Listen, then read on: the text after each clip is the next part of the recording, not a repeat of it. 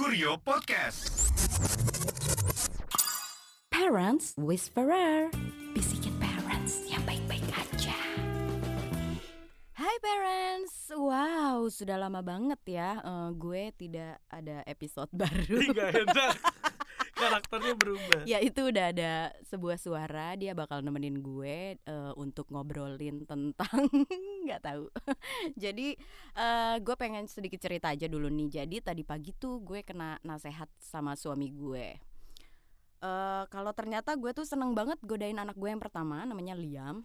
Kayak sampai dia nangis bahkan walaupun nggak sesering itu sampai dia nangis sampai kesel itu sering banget. Karena apa? Karena gue gemes aja ngeliat dia kesel gitu that's it.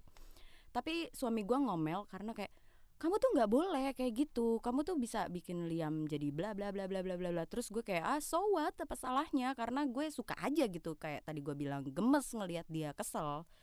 Terus eh yang sangat amat menohok yang tidak gue sadari suami gue tuh bilang no tidak bisa. Karena apa? Karena itu adalah salah satu bentuk bullying pada anak. Begitu.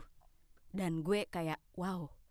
Iya juga ya dan gue beneran nggak merasakan eh, kayak bersalah gitu sebelumnya.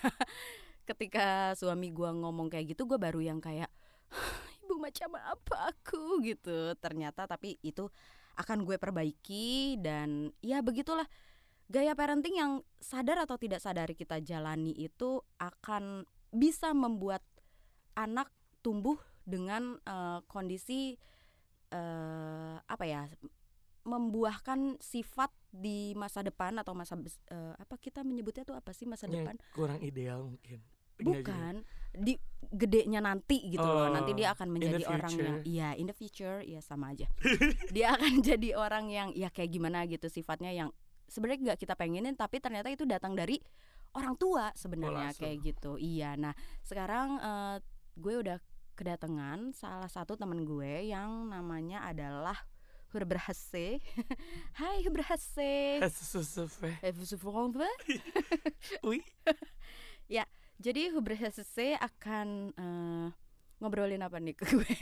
Ada yang penting gak sih? penting Iya, iya, karena gimana, gimana? kita akan membahas sesuatu. Tadi kita udah diskusi sebelumnya bahwa we're gonna talk about uh, uh, new parenting styles Iya, sebenarnya oke. kayak gitu. New parenting style ya sebenarnya yang tadi udah gue bilangin juga Mm-mm.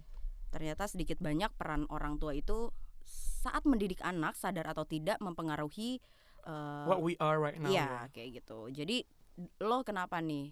Cong? Nah, jadi sebenarnya we don't want to compare sebenarnya. Mm-mm, Jadi kayak mm-mm. ini beneran uh, kita cuma uh, gue mau sharing apa yang gue dapatkan dan Mm-mm. uh, when you sekarang were a kid. Mm-mm. Mm-mm. when I was a kid. Jadi umur gue sekarang di 29 tahun dan teman-teman gue di umur-umur yang sama lah ya. Mm-mm. Di range umur yang sama udah dari 25 sampai 30 kan mereka sudah menikah dan akhirnya telah memiliki anak dan gue melihat Oke. bahwa wah yang sekarang yang orang tua sekarang quote unquote lebih woke, lebih aware Mm-mm. dan lebih kayak mau cari tahu gitu loh Iya, untuk betul. gimana sih caranya jadi better parents gitu loh buat Iya, iya. anaknya mereka. Uh, di- Doesn't mean bahwa orang tua yang terdahulu Mm-mm. tidak mencari tahu namun kayak aksesnya ke internet atau bahkan kayaknya masih sesuatu yang sifatnya trial dan Karena error. beda generasi Betul, sebenarnya. beda generasi dan Mm. beda teknologi sih sebenarnya. Iya, Jadi teknologi kayak pasti. kayak gue melihatnya bahwa orang tua gue yang terdahulu itu kayak lebih ke Ada orang tua lo yang terkini. yang lebih ke trial dan error kayak Oke. ah coba gue giniin deh yang kayak gitu terus ke anak kedua wah yang pertama tidak berhasil dan yang kedua kayak coba lagi yang ketiga udah males kayak udah. Jadi apa insight yang lo dapet saat eh, dari didikan orang tua lo dan apa yang membuat lo jadi seperti sekarang? Apa maksudnya ada yang perlu diketahui kah oleh orang tua zaman sekarang sharing kayak aja gitu? kali ya jadi kayak ini ini kayak to be confirm bahwa eh teman gue ini yang jadi hostnya kita itu adalah Rizky Meli sama Lau ini having a a very good technique menurut gue as a parents gitu. Really?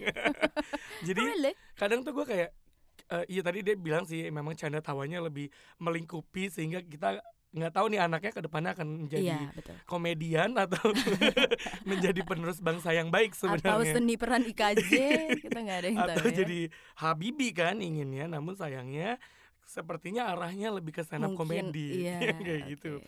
Gue nggak tahu ini privilege atau enggak, tapi gue mendapatkan kebebasan untuk memilih hal-hal yang sewaktu kecil itu kayak udah oke nih, lo mau sekolah di mana, lo mau mendalami eh, apa yang kayak gitu orang tua gue nggak ada masalah tuh, mulai Hmm. dari kayak gue mau SMP di sini nih pak nanti atau SMA di sini nih mah, ntar kuliahnya di sini tuh orang tua gue sangat membebaskan Oke. ke anak-anaknya. Mm-mm. Di- jadinya dengan kebebasan itu come along eh, tanggung jawab sebenarnya responsibility-nya itu Oh, untuk kayak oke gue udah memilih ini berarti gue harus tanggung jawab nih sama si keputusan gue itu Mhm. menurut gue eh, positifnya mungkin ya nah Mhm. namun terkadang yang namanya orang tua kan nggak punya ini ya kan buku panduannya kan.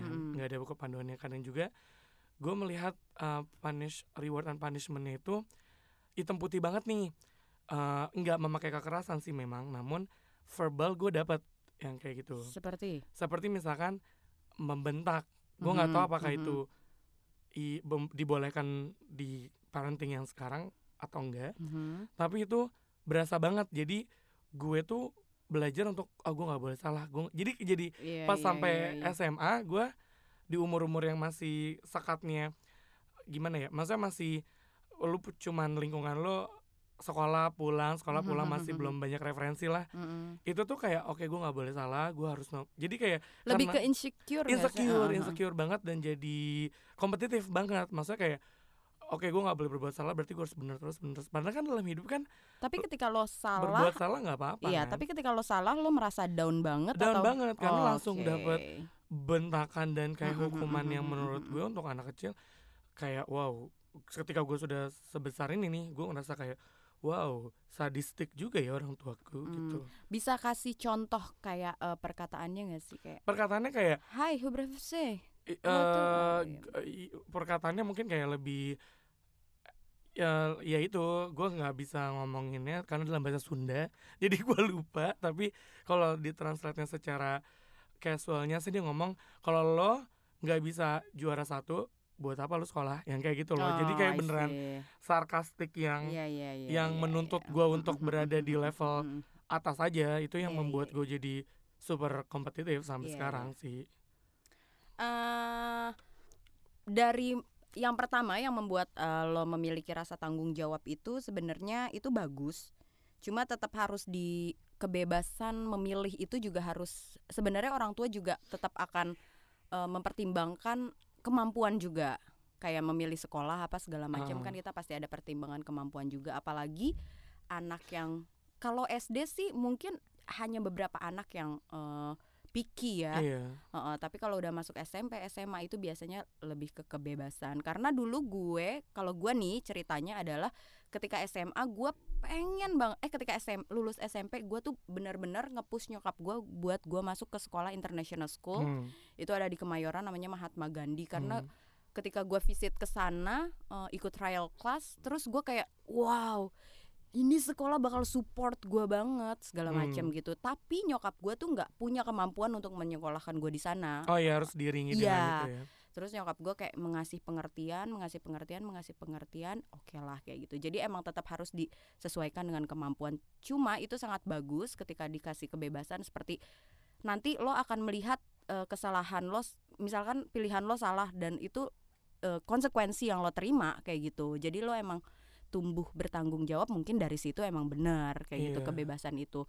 Terus yang kedua untuk eh tapi jadi makian ya. ngoyo nggak sih Apa- apa gue? gue jadi ngoyo jadi gue kayak ha, living in a perfect life bahwa selalu harus ideal gitu loh uh, apa yang jadi gue tuh kayak kebanyakan dididik untuk lo harusnya gini harusnya gini harusnya gini jadi dengan kata harusnya gini gue lupa bahwa banyak spektrum yang Iya, lain iya, sebenarnya iya, kayak gitu iya. sih itu yang gue nggak itu dilemat dilematis kan Iya, iya. problematik kan sebenarnya kayak yang sebenarnya sih mau ideal juga nggak terlalu benar sebenarnya bahwa Mm. lo harus ngalamin jatuh dan Iya. sakit sih sebenarnya. Iya benar. Karena kalau eh, dalam new parenting nih yang Hmm. udah sering banget gue baca, itu biasanya nggak ada lagi kata-kata kayak kamu tuh harus begini, Iya, kamu tuh harus begini, itu itu nggak kan ada. masih Iya, orba karena banget ya iya. kak, Say ngeri ah, nanti aku nggak. Eh, hilang.